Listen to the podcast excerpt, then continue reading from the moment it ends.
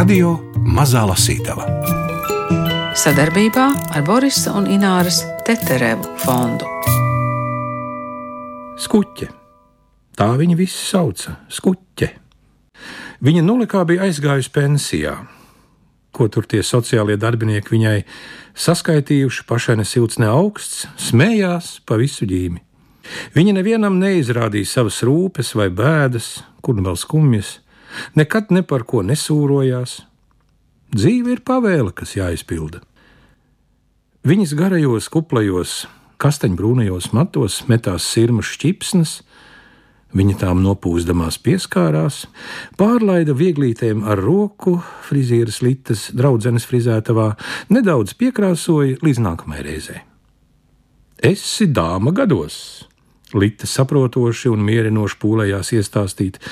Zini, sirds mums šobrīd nāk modē. Pat jaunās sākušas špacierēt sirmām galvām.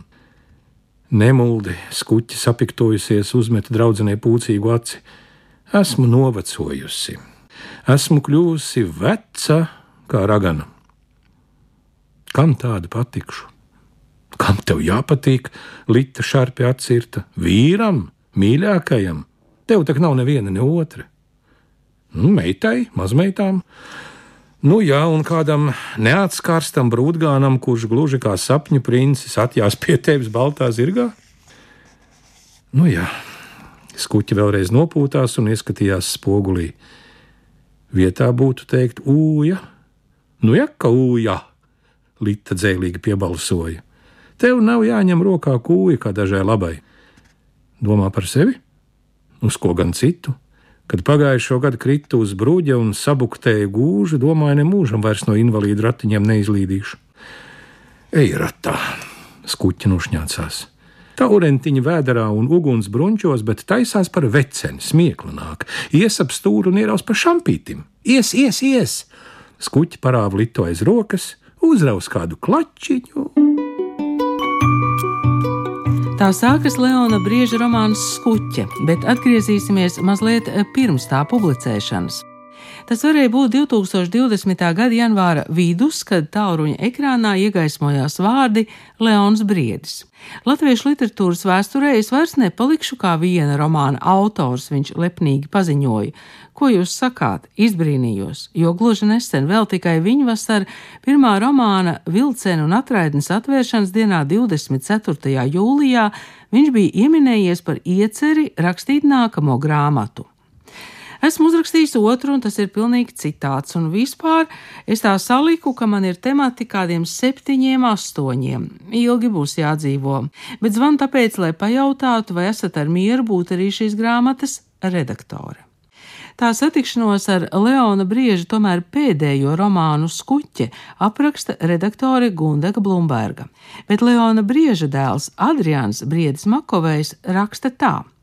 Tēva otrais romāns Skuķe ļauj vēl tiešāk un nepastarpinātāk iepazīt viņa sarežģīto, bet unikāli ģeniālo pasaules redzējumu, kas vienlaikus cieši apvienojas gan ar realitāti, gan izdomu. Leons Briedis aiziet mūžībā 2020. gadā, līdz ar viņu arī neuzrakstīto romānu ieceres. Bet romāna skuķa izdevums ir labs iemesls iepazīties ar Leona un Marijas dēlu Adrianu Briedi Makoveju. Ar viņu radio studijā tikās Gundars Āboliņš. Radio Mazā Lasītava. Nu, esiet sveicināti studijā Adrians Briedis Makovejs un Gunārs Aboliņš, un arī grāmata Leona Brieža. Ja es tā pareizi saprotu, pēdējais romāns - Skuķe. Bija tā, ka tas romāns viņam bija uzrakstīts jau uzreiz pirms viņš, nu, diemžēl, aizgāja. Teiksim, ja es lasīju, redzētu, ka kaut kāda bišķiņa sasteigtības momenti tur ir. Jā, tā kā viņš nav varbūt ielicis visu, viņš steidzās. Visu to, ko viņš gribēja, nav ielicis. Ja? Un kāpēc tieši izdevuši šoreiz? Vienkārši viņam tik daudz darbi palikuši pēc tam, Man kā mantotājam to vajadzēja. Nepublicēt. Jā, jā cīnījos ar milzīgo māmas, nu, vecāku un tēvu grāmatu visums, kurā dzīvojam. Tāpēc arī man tur aizņēma veselu gadu, kamēr sakārtojam, beigās arī izdevām. Un, tāpēc tas romāns bija tā otrā plānā. Jūs teicāt, ka viņš nav paspējis ielikt romānā visu, ko būtu vēlējies. Vai jūs zināt, kas palika neielikts? Nu, tas ir labs jautājums. Tur ir jāpieslēdzas ģenialitātes līnijai. Tad man jāpadomā, vai es varēšu tur kādu kosmosu atrast viņu atskaņu, kurā es varētu saprast, ko viņš vēl varētu tur ielikt iekšā. Bet vai jūs ar tevu pārunājāt viņa darbus, viņas atcerējumus pirms tie tika publicēti? Viņš ik pa laikam stāstīja sižetiskos līnijas saviem nākotnes darbiem. Viņam tur bija vēl pieciem, sešiem romāniem gatavas idejas. Tā kā es priecīgs, ka viņš paspēja maz divus uztaisīt, jo trešo, ko es redzēju, viņam jau bija tāda situācija, kad rokraksts vispār nevar saprast. Viņam tur bija krimināls, nākošais krimiķis padomā. Jūs pats arī rakstāt. Esat dzēnieks un dramaturgs. Kā ar prózu? Nu, proza arī man tieši proza vairāk patīk nekā dzēja vai dram nu, dramaturgija. Man vairāk patīk kā scenārijs, kā kino vairāk variantos. Uh, bet proza tādā ziņā tur nav tāda ierobežojuma, varbūt kā scenārijos vai dramaturgijā, tur, tur var plašāk izstāstīt un vairāk fantazēt. Var. Vai jums pašam patīk vairāk lasīt dzēju vai prozu? Mm, es vairāk interesējos par pilnveidošanas visādām lietām, par biznesa un naudas finansējumu tādām. Pilnīgi kā tā liekas, aizgāja pa citu līniju. Bet, protams, ik pa laikam es palasu kaut ko. Man teiksim, ļoti patīk Adolfo Bekers, spāņu romantiskās dzīslas rakstītājs jā, un, un zaideris. Vai tas kaut kā jūs ietekmē?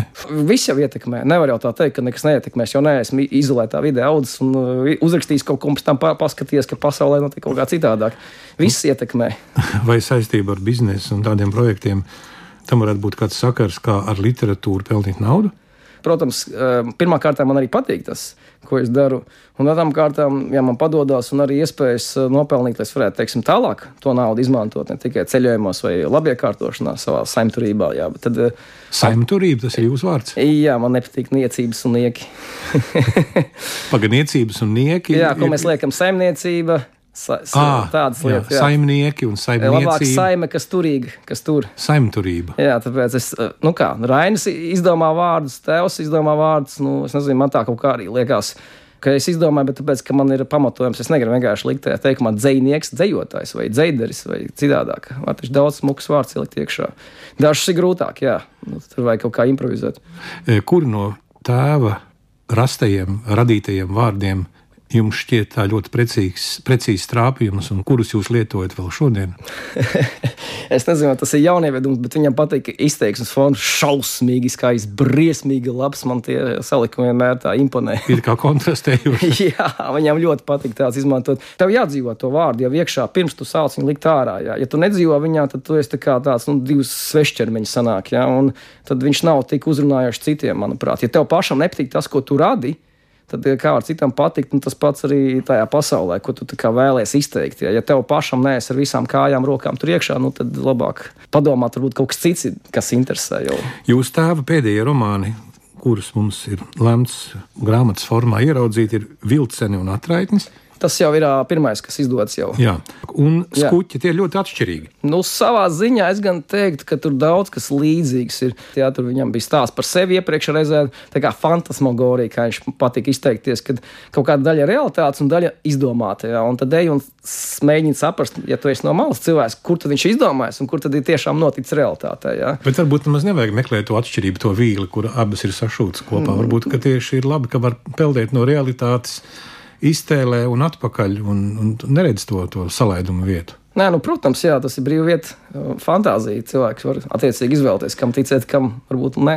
Romāns Skuķi ir veltīts Loretai. Jā. Kas ir Loreta? Loreta ir mūsu ģimenes draugs. Māmu ļoti viņa draudzēs, var teikt, vienīgā tāda patiesa draugs, ar ko man vecāki draudzējās, un arī kur pēc tam, pēc mammas nāves, arī daudz palīdzēja tēvam. Viņi tur izvazāja viņu pa bērnības vietām. It kā tevs jūtot, ka viņam nav daudz palīdzis, baigs steidzās izbraukāt visus madonas, visas mētrienas, visas, visas tās vietas, kur viņš pats piedzimis bērnu kājām, pusstudentiem kājām bijis un vienkārši apskatīt vēl pēdējo reizi. Jā. Nu, tā mēs sapratām, pēc tam viņš, protams, to pats neteica. Vai jūs varētu dot tādu mazu ieskatu šajā romānā? Tur, jā, tur ir stāsts par uh, vairākiem cilvēkiem. Kā, un kuram tas dzīves gājums gājis līdz brīdim, kad viņi satikās. Tā ir beigās, un, un atrada to gaismu. Nu, nestāstīšu sīkāk. Tas kuģi, ja viņi tur bija nu, tajā vietā izsūtīti, un tad tauta viņi tur kā izauga. Nu, tur bija runa par jakutiem. Jā, jā nu, pats kā viņš tur attiecības ar saviem vecākiem, kā viņš tika gaidīts, vai attiecīgi nē, un kā viņam izgāja cauri, ko viņš cīnījās, lai nokļūtu, un kā viņš veidojas kā cilvēks. Sanāk, tur kā divas galvenās personas, principā tur divas, manuprāt. Kuras tās ir? Skuķi. Jā. Jā, nu, jā, un pats tas uh, tēvs par sevi rakstīja. Es vārdus tā kā neminēšu, lai cilvēki paši. Vai vecāki jums uzticēja daudz, gan māte, gan tēvs, savus tādus radošos nodomus? Īstenībā viņi bija pārņemti, un uh, teiksim, tā, es viņam baigi tur neuzplījos, un uh, t, ik pa laikam man kaut ko stāstīja, bet ļoti reti tādā ziņā viņa laikam sākumā stāstīja vairāk, un es biju tā tāds pusaudzis, man tas vispār neinteresē, kā jau pusauģiem.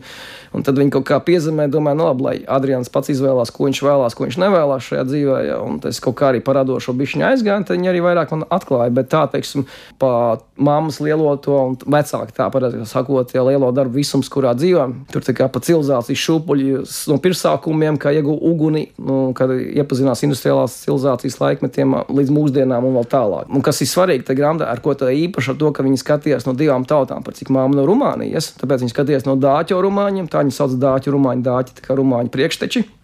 Un uh, baltu latviešiem, kas attiecīgi, nu, pat cik tēvs uh, un mēs no Latvijas esam, tāpēc viņi varēja izmantot abas pasaules. Jā, bet jūs nav latviešu vārds, jūsu vārds ir Adrians. Jā, bet uzvārds ir latvisks. Briedis Makovejs. Arī. No Makovejs ir mammas uzvārds, es vienkārši viņu pieliku īstenībā pasē rakstīts pirmie divi. Pirmie divi tas ir, vai Briedis Makovejs tad būtu jūsu literārais pseidonīms? Jā, es atšķirībā no citiem pagarinu savu pseidonīmu.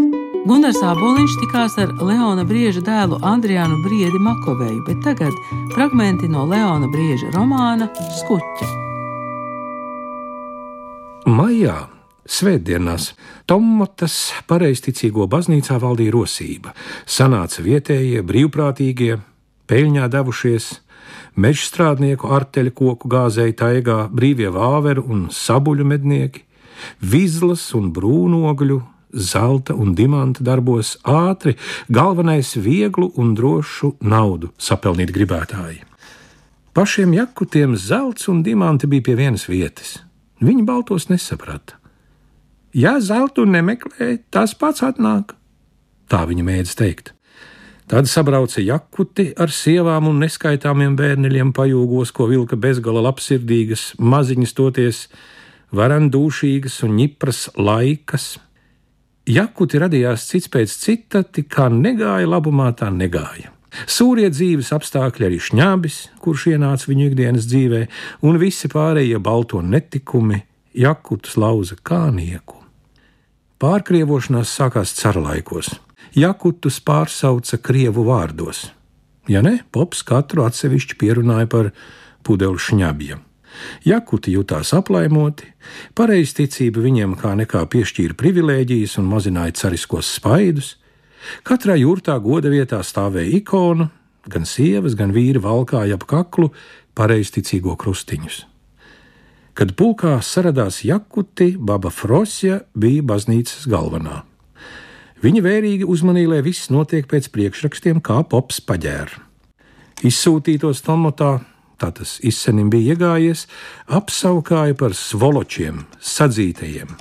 Cārs Pēters I, Somijas jūras līča purvos ķerdamies pie galvaspilsētas būves, vēlēja privaloči izzavsijā Rusi, Sanktpēterburgas cēlājus. Kamēr pieaugušie pa baznīcu, jakutēni tās priekšā pļavelē spēlējās. Maijā tā līdzinājās dubļu planškai. Lielākie lēca uz vienas kājas, kurš tālāk nolieks, lēca ar abām kājām uzreiz, kā zaķi, šāva ar loku bultu mērķī, tēmējot pa pussagāzušo zedeņu žogo baznīcu, uz kur bija nolikta pudele, konzervu buļģa vai kas cits. Gāja paslēpēs aiz baznīcas. Te jau katrs pabāzis zem mēlis gramoja mutē lapegļu smaržīgo un garšīgo sveķu gabaliņu. Kur vēl labāku kožļienu var vēlēties? Baznīcas plača malā atspiedies ar muguru pret zedeņu žogu, notuļāk no citiem, uz apskratušas un sausas zāles pleķīšu sēdēja ārkārtīgi neglīts, vienlaikus neparasti pievilcīgs vīrelis sīkaļa. Viņa vaigs bija vienās bakurētās, kumpa mugura, vīreļa seju rotāja plats smaids, mute atplast līdz ausīm, pavēra cingas sēstos, aplaustos pusizbirušos zobus. Rokās bakurētainais kraupainis turēja jancīgu mūzikas instrumenti, ko skuķa līdz šim nekad nebija redzējusi. Ak, jā, skuķa atminējās, hotus! Tāda instrumenta bija kulunam. Laika pa laikam pie viņa pieskrēja jakutēns un uzsauca: Sorruk! Sorruks, smaidot, atrieza muti vēl platāk, pielika savādo pakavu veidīgo parikti pie zobiem un stringšķinot ieskandināja. Ārā līja tik jaukas, košas un debesšķīgas skaņas, un bērnu spēles tūdaļ mitējās. Sorruk, sorruk, visi nemitus sita plaukstas un skaļi smējās. Skuķe ilgi nespēja no sorruka aizgrābta novērst skatu. Ziemas tomotā bija garas, un augstas, stiepies kā gribi mūžīgā sasalumā. Tādu Jēzu un Mariju jādze sākumā nepieradusi vienā laikā gaudās. Augu gadu šubā, kažokā jāsteigā. Pie visa cilvēks pierod, pie visa. Vienīgais, pie kā cilvēks nepierod, pie pārstības. Mēs taču nedarīsim viens otram pāri. Jādze izgājusi pie Georga, aprasījās, ik vakaras kopā ar viņu pārrazdamās no putekļainajiem vizlas darbiem tuvīnās raktuvēs. Pirms kara Jādze bija pabeigusi medmāsas kursus. Pāris mēnešus pastrādāja Tomatas Felčera punktā, un tad komandantūra viņu aizzina uz taigu pie vīriešiem. Georgs, iedams blakus, nebilda ne vārda. Vai tā bija mīlestība, neviens no viņiem nemācīja pateikt. Viņi gāja rokās sadavušies, un klusēja. Politiskie. Georgam neviļus paspruka. Reiz viņi pienāca tuvāk. Divi cilvēki, pavisam jauns puikiņš ieslodzīto robā, otrā pusē aiz dzeloņa stieplēm, šajā pusē vecs vīrs sarga formā ar šauteni par plecu. Ko viņi tur dara? Jādze nesaprata. Tēvs un dēls. Georgs nodūris galvu caur zobiem izspieda. Puika kaut ko nodarījis padomi varai. Iedavuši 25 un atrāvuši šurp. Tēvs bez vārda runas pieteicies vietējos orgānos, labprātīgi atbraucis dēlam līdzi tādu gaisa gabalu, lai pieskatītu. Puikiņš drīz vien smagi apaugstējās un nomira no plaušu karsoņa. Vecais sagums gāja cauri tomatai, pie komandantūras apstājās, norāva no pleca šauteni, iebāza to mutē un nospieda gaili. Viņa asinis izšļakstījās pa komandantūras sienu. Georgs pirms kara vēlējās dziedāt operā, mācījās konservatorijā, nekas prātīgs nesanāca. Visam pāri krustu pārvilka karš. Georgu iesauca leģionāros, no filtrācijas nometnēm un izsūtīšanas viņam izdevās izvairīties. Gadu vēlāk kāds viņu nostučīja. Georgs nonāca Jakutijā.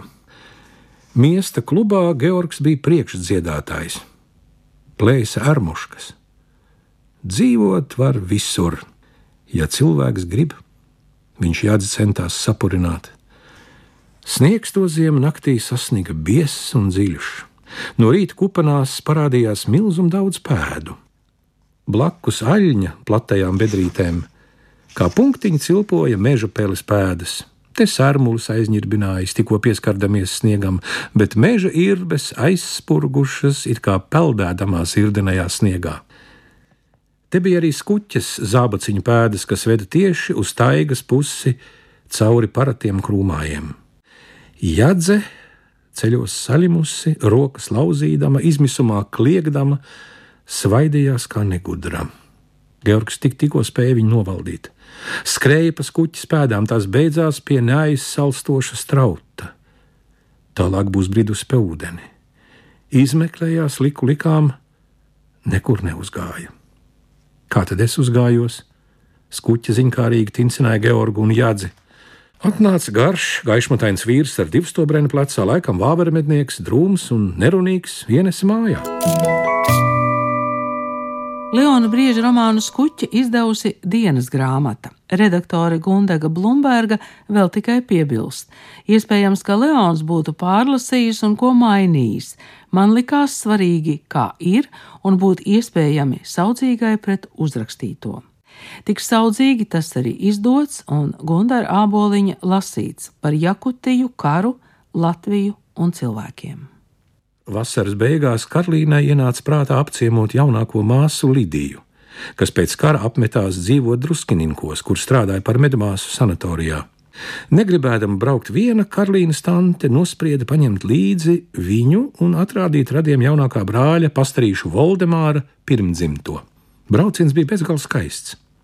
Viņš, kas nekad pa īstam nebija skatījis vaigā limbažus, par salkrastiem nemaz nerunājot, raudzījās uz Rīgu gluži kā uz zilu brīnumu. Tālākais ar bija teiksmains. Viņa ar autobusu cauri Viļņai aizbrauca uz druskinīkiem, kur viņus ar atplastām rokām sagaidīja Lida un viņas meita Rita, Margarita un Ida, vecākās māsas. Tūdaļ pat no Volkoviskas atsteidzās Karolīnas jaunākā māsa Elza, un viņš drīz vien nonāca visīstākajās sieviešu septītajās debesīs. Sievietes viņu aplākāja un aptakāja no visām pusēm, kā vien prasdamas, izdabāja katrai vēlmei un untumam, piepildīja katru viņa vēlēšanos. Fotografēja īsās bikšelēs ar lencītēm, sapūgātām priekšā, gan pie sanatorija ģipša laumām, gan uz tām pie Nemunas upes, gar kur viņa pastaigājās. Man patīk tāda pasaule, kurā dzīvo tikai sievietes. Viņš laimīgi smaidīdams lepni gāja nemitīgi čalojošajam sieviešu bariņam pa priekšu, šķietami garlaikodamies un nevērīgi izlikdamies, ka tas uz viņu nemaz neatiecas.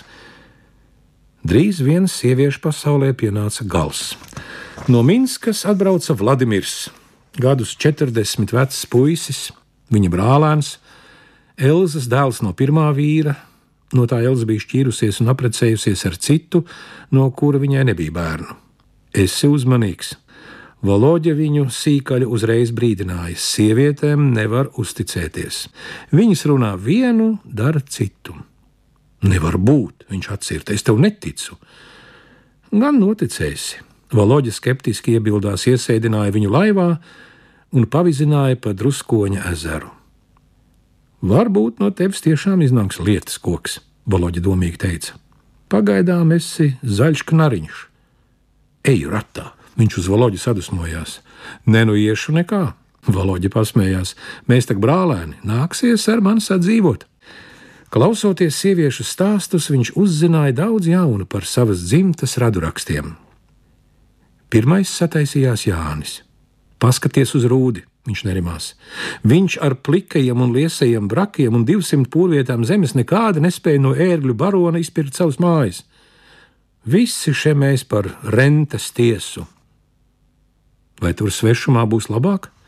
Bažīgi iejautājās tēvs Juris. Jānis visu bija cieti izlēmis, aizbrauca uz Vitebskas guberņu un Matuševā nopirka bijušo Jūrija Dolgorūkijas zemi. Priekšā bija vairākas latviešu saimniecības, uzcēla mājas, nolīda līdumu, iekopa tīrumus un lopus. Drīz vien ieradās viņa brāļi Antons un Vīlis. Vīlis esot nonācis Vitebskas guberņas Komarovas mūžā, kļuvis par tās pārvaldnieku, un kad revolūcijas laikā pieslēdzies sociķiem, Melnā sotņa viņu arestējusi un nobendējusi cara Ohrankas pagrabos. Par Jāņa māsu Otīliju Karlīna neko nemācīja pastāstīt, toties par Bertu gan. Berta esot precējusies ar kādu sīli un pārcēlusies dzīvot pie viņa uz ērgļu pagastu. Ar ērgļiem cieši saistīts bijis Jāņa brālis Vīlis, kura sieva nāca no ērgļiem. Karlīna izteicās, Viļa sievas tēvs bijis kāds raudups vai raudupietis Viļa sievu saukājuši par raudupieti. Mans vecais tēvs Jānis, viņš tincināja Karlīnu. Jānis, bet vecā māte Anna. No kurienes šī nāk? Viņas māte Mārgrieta, piedzimusi Jēkabpils zīlēnos, apglabāta kūku kapos. Diezinu, vai šās kapiņu var atrast. Anna ar Mārgrietu aizbraukušas uz Matuševu, tur šie sagājās kopā. Pirmā bijusi Karolīna, tad nākusi Milda, Zelma, Līda, Elza un viņa tēvs Voldemārs. Bijuši arī citi bērni, tie nomiruši mazi. Karolīna atcerējās viņas māte Anna, kā tālas un neskaidras bērnības atmiņas saglabājusi jūras smaržu, vējus, aļģu un dārvas smaku, kaiju klaigas. Piekrastē uz vabām žāvēties izkārtos tīklus, laivas, zvejnieku būdas. 90. gada sākumā viņš aizbrauca uz konferenci Prāgā. Kādā pavaļākā pievakarē ienāca bārā padzert alu. Viņam priekšā pie auskausa sēdēja nevainojamā uzvalkā ģērbies pusmūža kungs. Vārds pa vārdam viņi sāk sarunāties, viņš svešajam atļāvās pastāstīt par savas dzimtes vēsturi. Viņš neticēja savām acīm, tā nemēdz būt. Izrādās, mēdz gan. Svešais izņēma no kabatas pasi un nolika uz galda viņa priekšā. Ludeks, Jindržs, Dobro Ruka. Viņš izlasīja un uzmet svešajam vaicājošu skatienu. Es pats nezinu, kas esmu. Pusmūža kungs pasmējās. Gribi tici, gribi ne, esmu Maskavas dibinātāja Krievu kņaza Jūrija Dolgorukija pēctecis. Varu pierādīt ar papīriem. Par ko tu strādā? Viņš painteresējās. Zoologs. Viņš ieņēma kārtīgu alus malku un noteica: Jā, mani senči Vitebskas guberņā nopirka Jūrija Dolgorūkijas zemes. Vai labi auga? Kā lai zinu?